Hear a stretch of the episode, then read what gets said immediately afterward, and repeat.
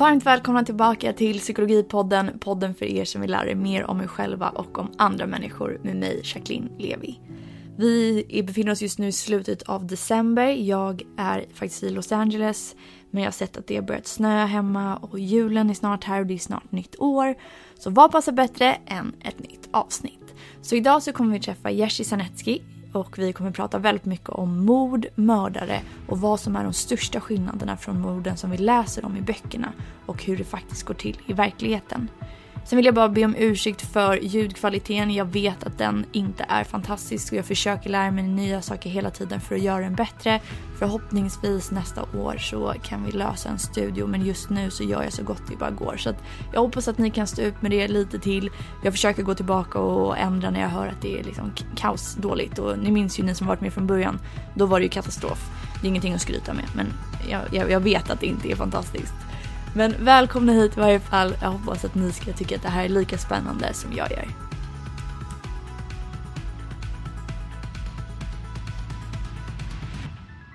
Jag heter Jerzy Sarnecki, född i Polen i Warszawa, kom hit till Sverige för 50 år sedan. Sedan dess har jag utbildat mig till sociolog och så småningom eh, blev jag kriminolog. Och sedan 25 år tillbaka ungefär så är jag professor i kriminologi. Och vad är kriminologi för någonting? Ja, det är en bra fråga. På ett sätt är det väldigt enkelt att svara på. Va? Därför att kriminologi är lära om brott. Krima, brott, logi, logos, grekiska, lära om, studie av eller något sånt. Så att så långt är ganska enkelt. Ska man gå vidare så blir det förstås mycket mer komplicerat. Den vanligaste definitionen av kriminologi är att det är läran om varför vissa handlingar blir brott och andra inte, det vill säga kriminaliseringsprocessen. Sen om själva brottsligheten, det vill säga eh, brottslighetens omfattning, karaktär och orsaker, den största delen i kriminologi. Och sen till, slis, till slut läran om samhällsreaktion på brott, så till exempel polisforskning och liknande. Vad är det för något? Vad är polisforskning? Ja, polisforskning handlar om att studera hur polisen arbetar. Jag har till exempel ett stort, stort uppdrag nu som handlar om eh, hur polisen arbetar problemorienterat. Det vill säga, ja framförallt eh, hur polisen förebygger brott och hur polisen hittar problem i samhället innan de blir brott för att just kunna då agera som det brukar heta proaktivt, det vill säga förebygga. Då. Eh, men eh, man kan studera massor med olika andra saker som gäller rättsväsendet. Till exempel varför domstolarna dömer som de gör, hur arbetar åklagarna, socialtjänstens arbete eh, som är ju relaterade till ungdomsbrottsligheten. Allt det där är en del av kriminologi som alltså brukar betecknas just som läran om samhällsreaktion på brott. Och vad av allt det här har du liksom intresserat dig mest för? ja, jag har gjort det mesta. Jag har ju varit med i den här branschen i 45 år så är det jag nästan i alla fall. Eh, så att eh, jag har gjort väldigt mycket olika saker. Jag började arbeta som kriminolog eh, när jag arbetade på Brottsförebyggande rådet och då sysslade jag mest med forskning just om samhällets reaktion på brott. Sen när jag kom till universitetet så började jag forska rätt mycket om kriminella nätverk och, och, studera personer som begår brott relaterade på varandra och hur detta påverkar deras brottslighet. Sen har jag i många, många år sysslat med eh, livsförloppsforskning, det vill säga studerat livsförlopp hos människor som begår brott och människor som inte begår brott, eller kanske sådana som begår flera brott och kanske färre brott egentligen. Sådana som inte begår några brott är så sällsynta. Tittat på hur olika förhållanden, förhållanden under deras uppväxt och senare i livet påverkat deras brottslighet och hur deras brottslighet i sin tur har påverkat deras livsförlopp. Sen har jag ju ja, forskat på en hel del annat men man kan väl säga att eh, mina grundintressen eh, är ju de där tre. Kan du berätta lite mer om det här med nätverksanalys? Det låter väldigt spännande. Ja, det är roligt. Eh, det, det, är ju så jag började med det här faktiskt eh, när jag var ganska ung och på den tiden fanns det inte datorer som gjorde sådana här fina så att säga nätverksanalyser. Så mina första nätverksanalyser gick ut på att jag eh, låg på golvet i ett stort rum och ritade streck mellan personer som så att säga hade med varandra att göra. Numera finns det mycket avancerad datateknik för detta. Eh, men vad det handlar om är gruppens betydelse, i mitt fall alltså eftersom jag studerar brott, just för brottsligheten. Så att, eh, vilka personer som är centrala i en grupp och vilka personer som är i periferi. Vilka egenskaper de här personerna har och vad är det för typ av länkar de har till varandra. Och sen eftersom eh, det är longitudinellt så också tittar vi förstås på hur det här förändras. En sån här fråga är till exempel hur beständiga är grupper av kriminella personer? Alltså hur länge de så att säga håller på och begår brott med varandra. För att det finns ju en sorts föreställning just när det gäller gäng till exempel. Att det är välstrukturerade organisationer med ledare under sjuggare och att de hänger ihop hela tiden och, och så vidare. Och när man tittar på just på nätverksanalyser så upptäcker man att det är väldigt spontana relationer. De är kortvariga. Eh, det är mycket slumpmässiga möten med olika personer och att de där relationerna mellan kriminella håller väldigt kort tid. Och sen blir det ju nya relationer och nya konstellationer. Och det här är ju dels intressant så att säga rent vetenskapligt för att förstå hur så att säga, påverkan i kriminella miljöer ser ut. Men det är också förstås av viss betydelse för hur man ska bekämpa sånt. Mm. Man måste ju förstå hur strukturen ser ut. Ja, för det känns som att på TV till exempel, då är det dels att man har sett lite av det här nätverksanalyserna mm. när de sätter upp bilder på folk på väggarna och drar streck och plockar bort folk och sånt mm. Men det, jag måste säga att det är förvånande och höra att det inte är mer organiserat. Alltså just Den, strukturen. Precis, nej men det, det, det, det är rätt många som tyckte just att det var väldigt märkligt det där. För att man har föreställt sig, just när man pratar om gäng. Så man lite bilden av det där amerikanska gänget så att säga. Det finns en sorts bossar och, och, och olika typer av strukturell organisation och sånt. Det är klart att det finns organiserad brottslighet i Sverige. Eh, men det är förhållandevis liten andel av den totala brottsligheten som är, bygger väldigt mycket på spontanitet, väldigt mycket på tillfällesstrukturen. Det vill säga, man planerar inte sina brott så är förbaskat noga. Med det mesta, det mesta så är det någon sorts stundens angivelse och just det här att man har tillfälle att göra något. Va? Och sen så håller de här grupperingarna inte så länge. Av olika skäl. Va? Delvis därför att eh, i den riktigt avancerade grova brottsligheten så dör folk, de blir skjutna, de tar överdoser. De, de alltså då eh, gör något annat som gör att de inte klarar av att begå brott. Sen är det ju så att människor har, eh, även de allra mest brottsliga, har ganska kortvariga karriärer.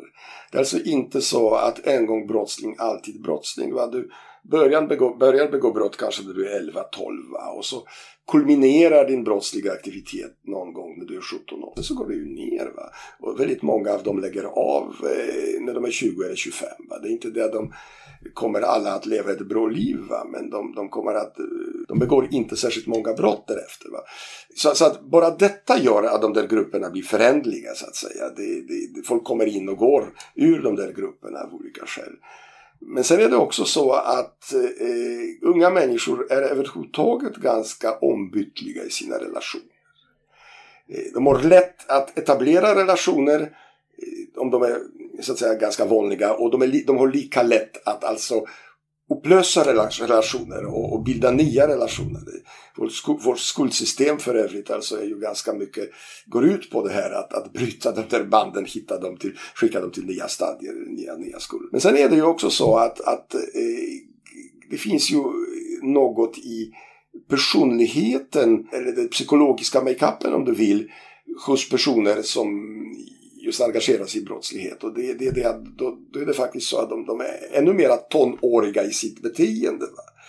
Man skulle kunna säga att många av dem är helt enkelt inte riktigt mogna. Va? Och i det tonåriga hör ju också att även om de har kommit lite längre upp i åldrarna så fortfarande är det väldigt flytande relationer. Men vad finns det mer för egenskaper hos de här personerna som är aktiva inom gäng? Alltså till att börja med eh, så kommer de, väldigt, väldigt många av dem kommer från fattiga socialt utsatta miljöer. Så att säga. Man brukar säga att de har låg socioekonomisk status eller låg socioekonomisk position. Fattigdom i sig är inte orsaken till brott. Annars skulle vi ha betydligt flera människor som begår grova brott eftersom vi har ganska många fattiga. Men fattigdomen eh, utgör någon sorts, någon sorts grogrund för olika typer av brotts, brottsliga aktiviteter som sedan orsakas av annat. Va? Så att grundförutsättningen att till, för att tillhöra ett gäng det, det är att man tillhör något socialt. Alltså man, man, man kommer från en viss eh, sorts eh, social utanförskap. Men sen så är det ju det där vad man har för kompisar och eh, vad man har för personlighet och, och faktiskt i viss mån vad man har för genetik i bakgrunden. Eh, och sen är det förstås eh, hur man lyckas eller misslyckas i olika avseenden i livet. Om man är utsatt för sånt som kallas för strain, det vill säga en sorts frustration som gör att man inte kan uppnå de samhället etablerade målen. Va? Och eh, vilka är de andra ungarna som du leker på, på, på, på gården med när du är liten? Va? Eh, rätt många av de där gängmedlemmarna i de där riktigt farliga gängen, de där som skjuter på varandra idag, har ju vuxit upp tillsammans, har gått på samma dagis, har lekt på samma mm, på samma gård, alltså varit på, i, gått i samma skola, va? umgåtts med varandra väldigt intensivt väldigt länge. Och sen så, eh, så att man skulle kunna säga att en del av dem nästan glider in i den här brottsligheten, den brottsliga miljön utan att egentligen behöva fatta någon sorts beslut. Va? Därför att det är bara så i, i, i den där miljön. Va? Att, att man eh, på något sätt inte klarar skolan, att man, man, man inte klarar eh, relationer med det etablerade samhället. Och, eh, detta hindrar inte dem att när de så småningom blir vuxna att kommer kunna döda varandra va? när de hamnar i olika typer av konflikter. Men någon sorts, någon sorts, i grunden finns just den här gemensamma uppväxten i utkanten av det etablerade samhället skulle jag vilja säga. Och då kan man ju titta på föräldrarnas arbetslöshet, man kan titta på föräldrarnas utbildning, man kan titta på alla de problem som finns när man växer upp och så. Och, och detta i sin tur gör att eh, du får rätt, rätt många invandrare i de där grupperingarna. Därför att, därför att vårt samhälle är numera konstruerat på det sättet att, att särskilt de nyanlända eller jo, ganska nyligen anlända invandrare, de hamnar ju på något sätt på självaste botten av det här samhället. Det är alltid därifrån stor del av den traditionella brottsligheten emanerar. Men sen så kan man ju säga förstås att det, det är inga stora skattebedragare eller insidersbrottslingar som det blir av dem. Va? För att det, det, är ju helt andra kretsar som ägnar sig åt detta. Va? Men, men alltså då eh, de här kommer från samhällets botten va? Och, och rätt ofta så har de inte fått eller inte kunnat skaffa sig tillräckligt stora möjligheter för att komma in i samhället med något annat än just brott kan man säga att särskilt de unga lagöverträdarna är inga specialister. De begår alla möjliga brott.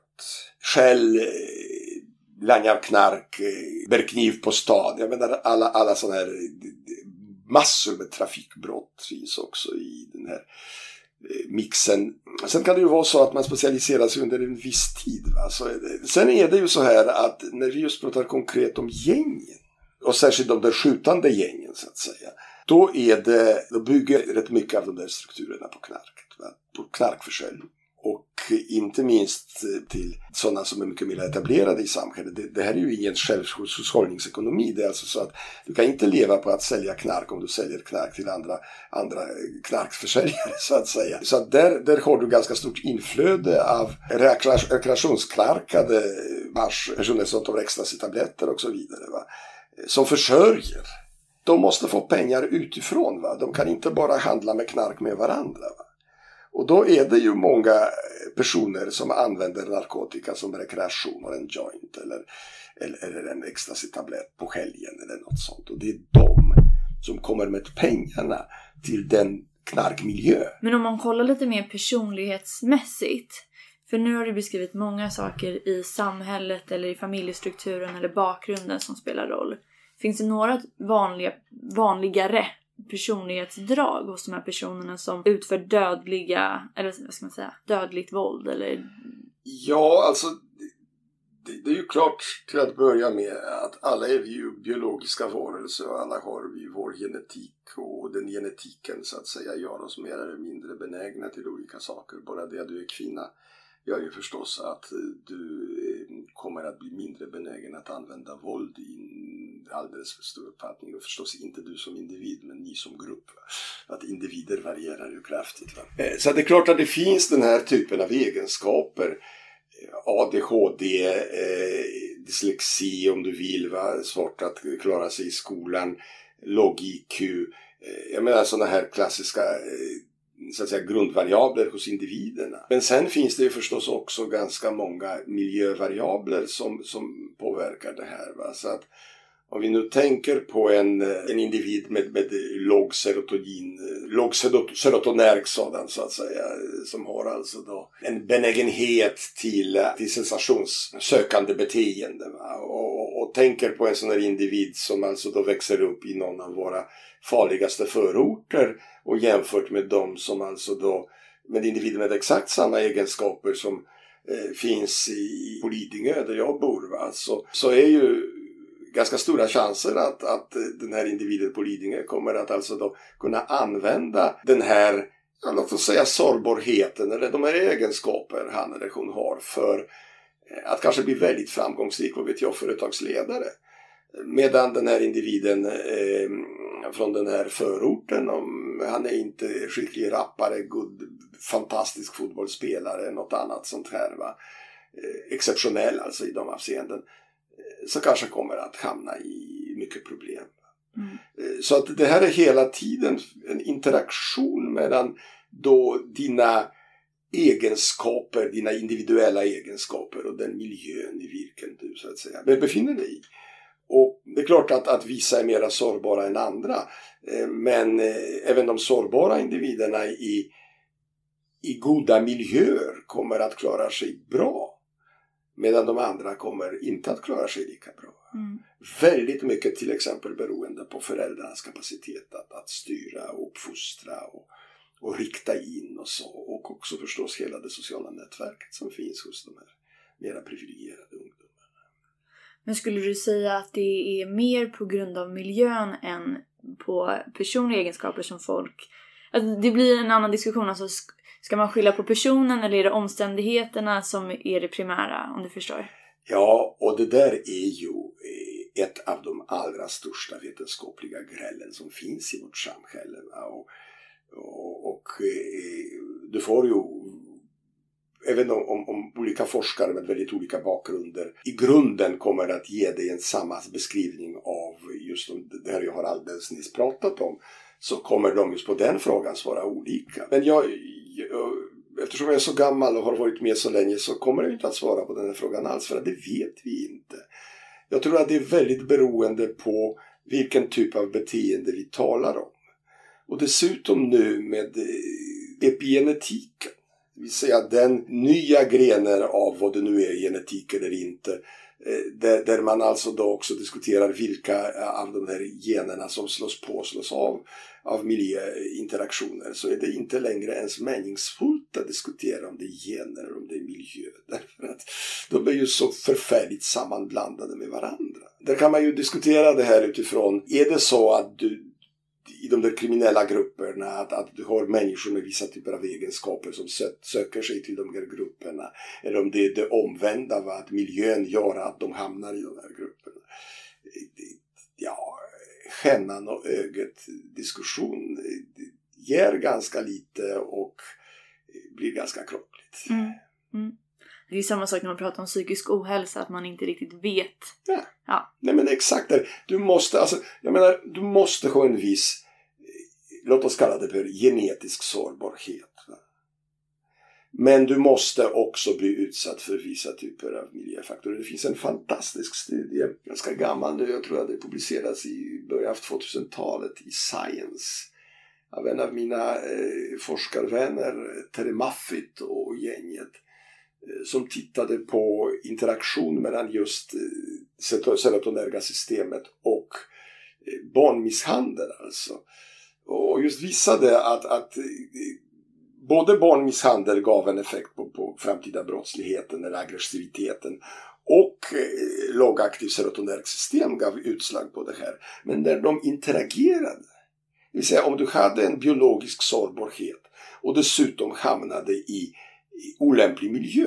Det är då de här egenskaperna blommade upp. Mm, mm. Okej, okay, jag måste fråga massa mer grejer för eh, jag är så intresserad av så mycket som du håller på med. Eh, och just nu så är jag lite intresserad av mord. Det mm. har ju hela Sverige fått någon typ av besatthet av. Är det mördare som är de farligaste brottslingarna eller skulle du säga att det är några andra? ja, det, ja, ja det, det, är en alldeles utmärkt och berättigad fråga. Jag har bara inte funderat på eh, vilka är farliga, om, om mördare är farliga än andra. Det är klart att, att för de enskilda individerna, de som Mm, de som blir mördade så är mördarna ganska farliga. Eh, för dig och mig kanske är de som gör, gör giftiga, som, som blandar giftiga tillsatser i vår mat eh, mera farliga. För att vi kommer inte att bli död direkt eh, för det mesta men, men långsamt kommer vi förmodligen att, att gå under. Va? Eller de som så att säga släpper en jäkla massa kol i, i, i luften så att våra barn eller våra barnbarn kommer att alltså då eh, inte klara sig på den här jorden. Va? Så att det, det här är ju beroende på eh, hur man eh, bedömer det här. Va? Eller utgångspunkten helt enkelt. Men lite fakta om mord. I Sverige under mycket lång tid har begåtts ungefär 100 mord, dråp och misshandel med dödlig utgång per år. Dödligt våld alltså. Det är en ganska konstant siffra, egentligen förvånande konstant med tanke på att, att det är så, så få och det borde vara ganska kraftig slumpmässig variation. I slutet av 80-talet och början av 90-talet låg den där siffran på ungefär 120 per år. Sen har den gått ner mycket kraftigt för att, om jag nu minns inte helt fel, jag tror att det var 2012 eller kanske 2011 någonstans där, låg det där siffran på 67. En halvering. Sen dess har den där siffran återigen eh, hamnat på ungefär 120 per år. Så det har gått ner och sen har det gått upp under få år ganska kraftigt gått upp. Så vill man göra eh, olika typer av politiska poänger, vilket är väldigt populärt just i den här branschen, så kan man visa den där kurvan från 2012 och framåt och visa oj vilken ökning. Eh, är man något mera eh, samvetsgrann och kan lite mera så går man, eh, går man alltså tillbaka till, eh, till eh, 80-90-talet och då kommer man upptäcka att det har inte hänt särskilt mycket. Så det går, går, går upp och har gått ner alltså systematiskt. Eh, till detta kan tilläggas att egentligen så borde man mäta det här på 100 000 invånare och då har vi blivit drygt en miljon flera under den här tiden. Va? Så att egentligen så jämfört med 80-talet eller 90-talet så har den här andelen gått ner. Eh, däremot så har karaktären på de här brotten förändrats.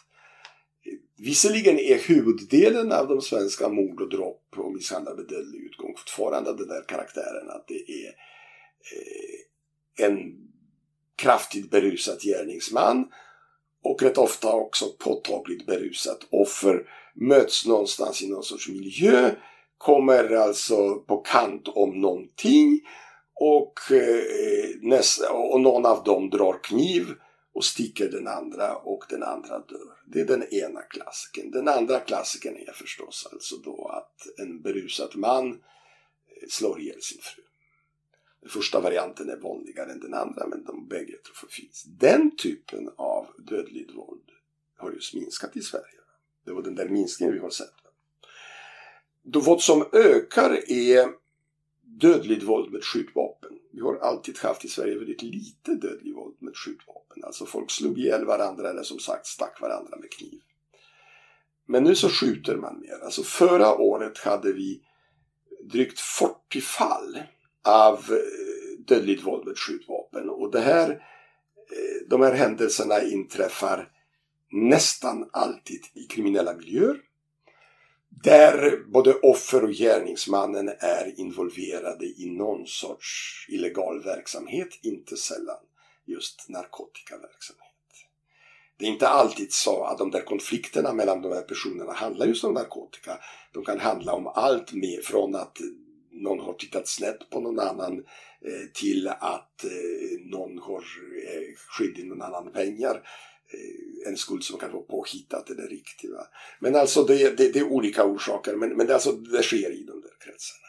Och den typen av våld har alltså då ökat i Sverige kraftigt under de senaste, de senaste åren. Men det är fortfarande så att säga det där traditionella berusade våldet är vanligare. De där som skjuter är för det mesta nyktra och så.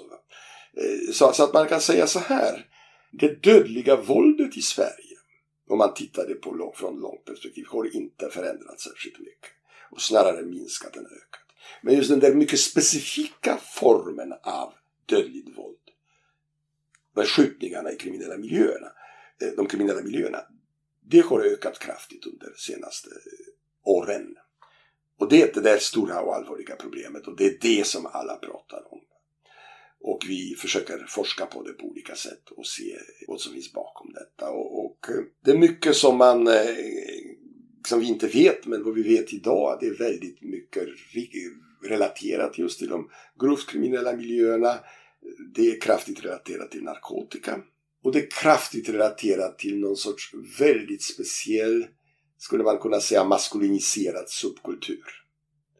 Som alltså då blommar upp i de där grupperna och som är förhållandevis nu. Det här är ju ett nytt fenomen eh, som har utvecklats just i de där grovt kriminella miljöerna och eh, där ska jag väl säga att vi har inte riktigt förstått eh, riktigt, riktigt varför det har kommit och varför det är så omfattande och hur den där mycket våldsamma och dödsföraktande kulturen har uppkommit. Men, men vi forskar på det här ganska intensivt och lär oss mer och mer kring detta. Men i de grupperna är det vanligast att mörda varandra med skjutvapen? Ja. ja. I de där grupperna har Alltså de här grupperna har ju alltid funnits så att säga, det har funnits länge. Och konflikterna i de här grupperna har också funnits länge. Eh, men eh, tidigare så räckte, räckte det kanske att man slog, Eh, misshandlade någon eller kanske stack den där personen med kniv eller hotade den där personen med eh, skjutvapen. Nu är mängden av skjutvapen väldigt stor i de här kretsarna. Och eh, det finns något sorts, vad ska vi kalla det för, så våldsinflation skulle man kanske kunna säga. Eh, så, så att eh, det, det, det, blir grövre och grövre våld. Och som sagt, eh, det skjuts ganska mycket i de där miljöerna och förra året har 40 unga människor förlorat livet på grund av detta. Var i Sverige är det vanligast? Ja, det här är som sagt, det här är människor som kommer från fattigdom, social utsatthet. Många av dem är invandrare, invandrarnas barn. Och de bor eh, i Tensta, Rinkeby, Rosengård eh, och så vidare. Va? Och det är förstås inte så att våldet alltid sker där därför att eh, de är ju rörliga. Och i synnerhet är de ju mera rörliga när de är medvetna om att de är utsatta för hot. Va? Och det är inte så svårt att veta va? för att har man skjutit någon så är det ju ganska stor sannolikhet att man själv blir skjuten. Va? Så att eh, själva de där våldshandlingarna eh, kan ju hända på, på andra ställen. Men eh, grunden är just de här socialt utsatta områdena framför allt. Alltså. Men risken att de här grupperna skulle börja skjuta på andra, är den liten? Alltså handlar det mer om att de ska hämnas på varandra eller sådär? De är inga lysande skyttar de där. Och det är ganska nervöst och stressigt där och där det händer och så. Så att det är klart att det finns risk för, för att andra blir utsatta. Och det har också hänt att människor de har förväxlat människor. Att de har sprängt i luften eh, en bil med, eh, de använder sig också ibland av sprängmedel, granater och så. Att, att, så att eh, det, fanns en fyraårig flicka som strök på kuppen och så. Eh, så, så, att eh, vi andra är inte fredade men vi är inte mål för de här grupperna och det finns ingen rationalitet hos dem eh, att angripa tredje part. De, eh, det, det är alltså uppgörelser mellan dem själva och målet är att just oskadliggöra sina motståndare. Personer som man är arg på, personer som har alltså då inkräktat på ens eh, narkotikaaffärer, personer som på något sätt inte har respekterat den och så vidare. Är det mest män i de här grupperna? Bara män. Eh, det är nästan eh, så att om kvinnorna blir dödade i de här sammanhangen eh, Så det är antingen på grund av misstag va? eller på grund av att de har relationer med grovt kriminella män. Och just det där sistnämnda är mycket ovanligt. Alltså det, det finns någon sorts kodex bland de här männen att kvinnorna bör inte angripas. Vilket som alla kodexar bland kriminella är inte hundraprocentigt men dock. Det är väldigt maskuliniserade miljöer och, och det där eh, det här sättet att agera där man alltså då just eh, visar sin mod genom att skada eller döda andra människor. Det, det, det är otroligt manligt. Men om man tittar på den här andra gruppen av mördare, den som hade minskat, är det även där vanligast att det är män som ja. utför? Ja, det är alltså så att det är alltid mycket mer upprörda när kvinnor blir offer för våld. Männen är betydligt mer drabbade av våld än kvinnorna och i synnerhet när det gäller det grova dödliga våldet.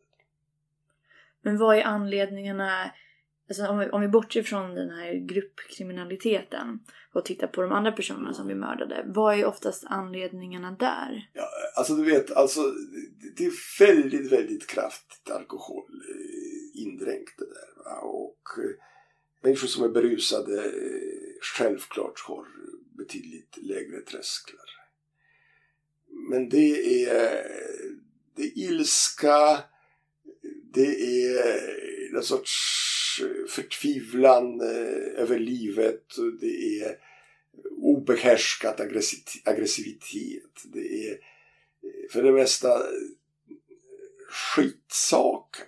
Som för övrigt i den där andra miljön också som leder till att, att människor blir värda. Det är väldigt, väldigt sällan så att dödligt våld är noga planerat. Alltså det, det, det är ju, där finns ju så att säga någon sorts, någon sorts total diskrepans mellan det vi ser i verkligheten det vi ser i litteraturen. I litteraturen finns det någon sorts genomtänkta, eh, planerande mördare som ger sig på någon sorts speciella personer av speciella anledningar.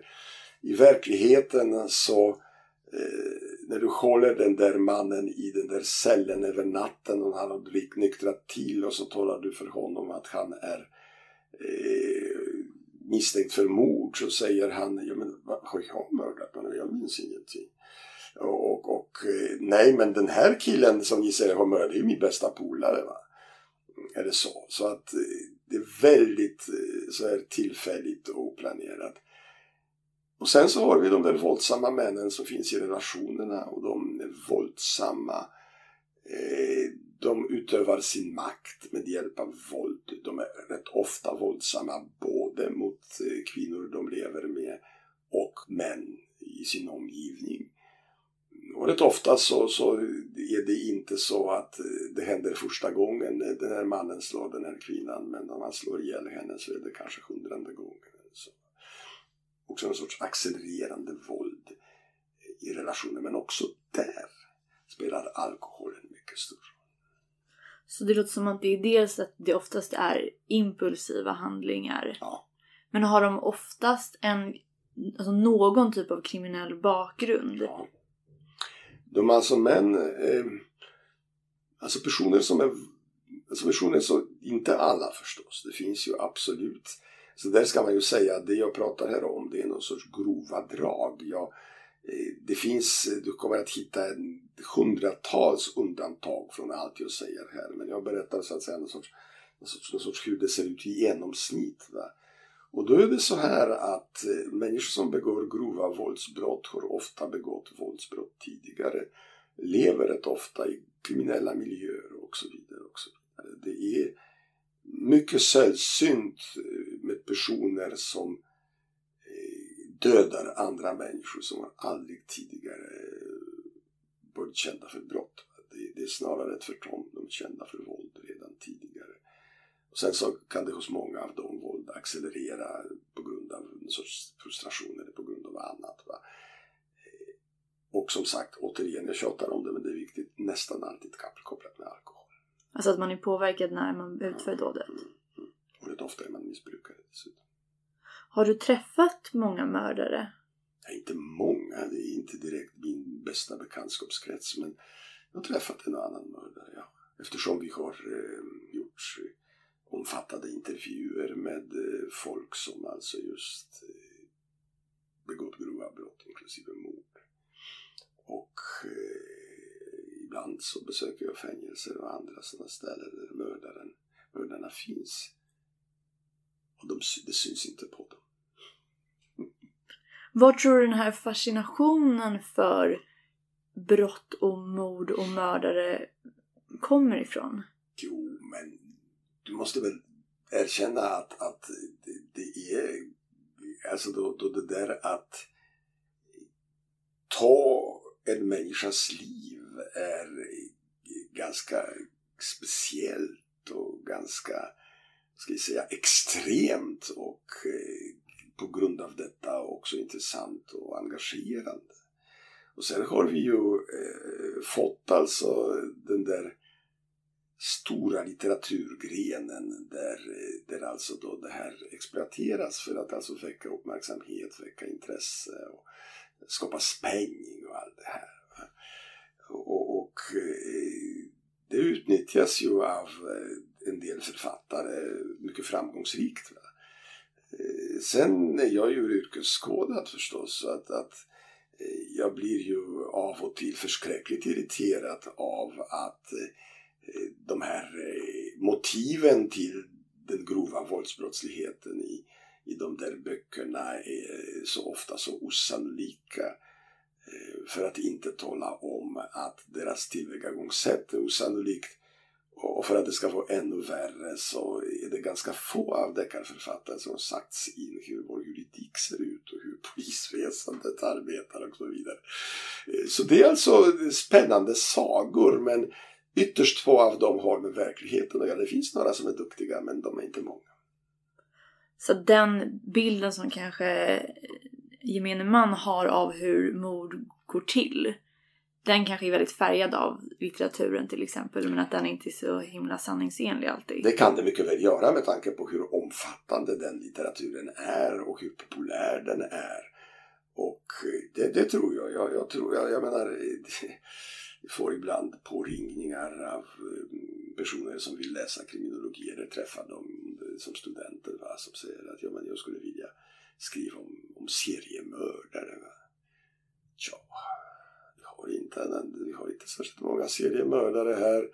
Vi har väl eh, en och annan eh, anställd i sjukvården som mm, så att säga säljer dödat några, några åldringar. Och vi hade ju förstås Kvick men han kom ju av sig. Så om man kollar statistiskt sett, vilket brott bör man vara mest rädd för? Eller bör man inte vara rädd alls? Så jag tror att det, det är så här va, att rädslan det är något annat. Va? Därför att du, du har ju två begrepp där som man måste skilja mellan.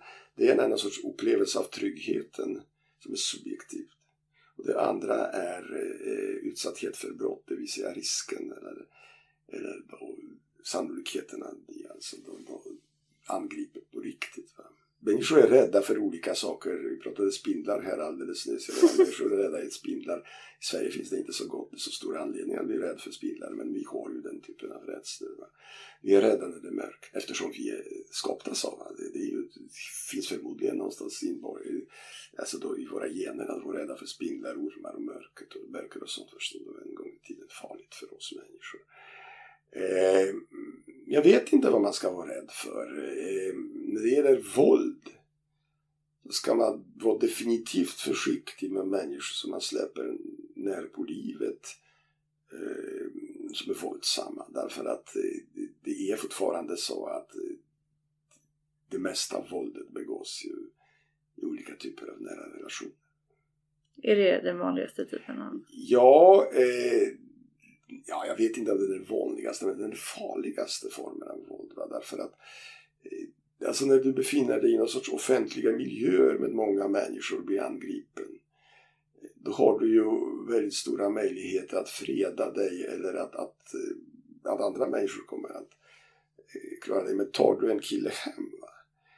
eller går du på en fest någonstans va? i en sluten miljö och så vidare så är du förstås oändligt mycket mer sårbar.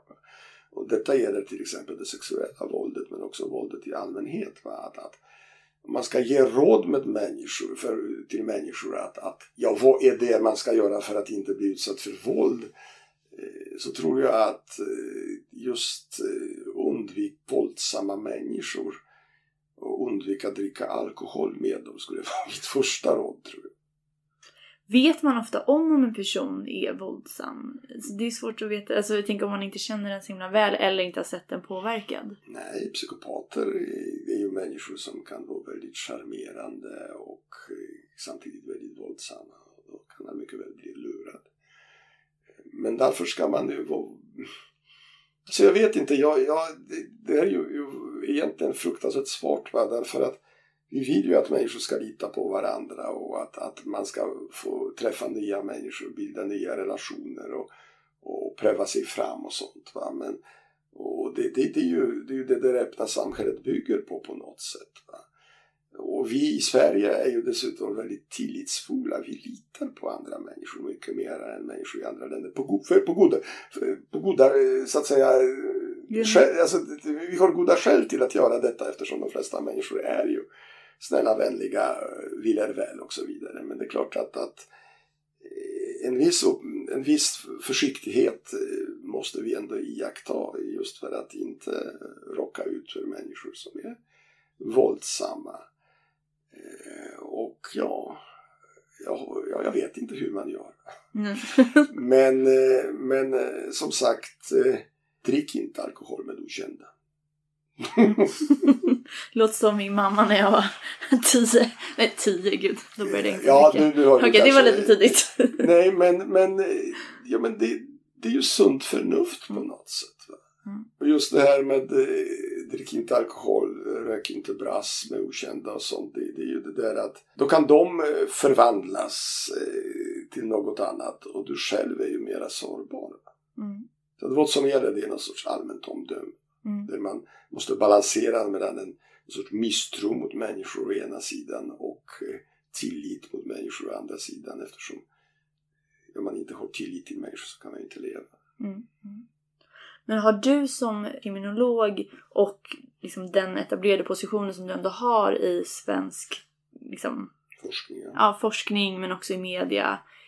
Är du rädd för att någon ska... Alltså finns det någon hotbild mot dig?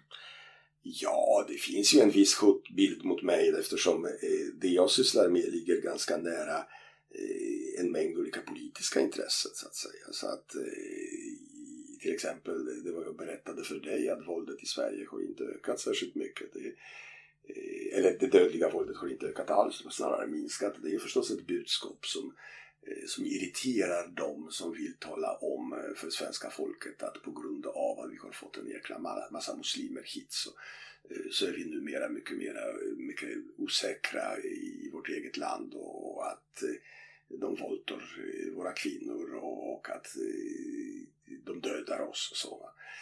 Och då blir det förstås ganska politiskt kontroversiellt att säga nej, det verkar inte riktigt på det sättet. Det verkar inte alls så att, att morden i Sverige har ökat, snarare har de minskat. Och, och det där med våldtäkterna, om de har ökat eller inte, är ytterst osäkert. Det finns rätt mycket som talar för att det inte finns någon större ökning av våldtäkterna. Ja, då, då har jag, jag har visserligen bara formulerat sådana saker som jag vet som, som forskare som jag är va, och har studerat men samtidigt har jag ju gjort ett politiskt uttalande som kommer helt garanterat irritera de som inte vill att det ska vara så eftersom de har politiska motiv eh, där de vill ta makten just på, på föreställningar, att föreställningarna det inte är så. Men du är inte rädd för de som är kriminella? Nej. Nej, ytterst sällan. Men, eh, men det, det beror på att, eh, att jag, jag så det är klart, jag menar jag har ju larm eh, i det huset där jag bor va? och eh, jag vidtar olika typer av säkerhetsåtgärder när jag befinner mig i olika typer av risksituationer. Men om, om jag är, överhuvudtaget tänker på någon sorts utsatthet av mig själv så är det just eh, i de politiska sammanhangen. Mm. Och hur ställer du dig till, till dem? Jo, nej men eh, jag, kan ju, jag är forskare va? Så jag kan göra det att forska på dem, vilket jag gör. Mm. Just nu har vi en stor studie som vi ska eh, bland annat titta på brottslighet hos jihadister, hos nazister och hos alltså vänsterextremister och hos bikers och kriminella gäng och så vidare. Så jag studerar våldet. Va? Det, det är så jag förhåller mig till dem. Eftersom jag drivs ju som alla forskare förhoppningsvis. Mycket stor nyfikenhet. Jag vill veta och vill förstå. Och sen så tycker jag att det är min plikt också att förmedla det till andra. Det är på något sätt det som akademiker ska göra. Mm. Det kallas för tredje uppgifter och många av mina kollegor hatar det. Det är, de jag, det är därför jag kommer hit och knackar på. Ja, precis. precis. Tack så jättemycket för att du ville vara med. Det här var så spännande. Hej då allihopa, vi hörs igen nästa vecka.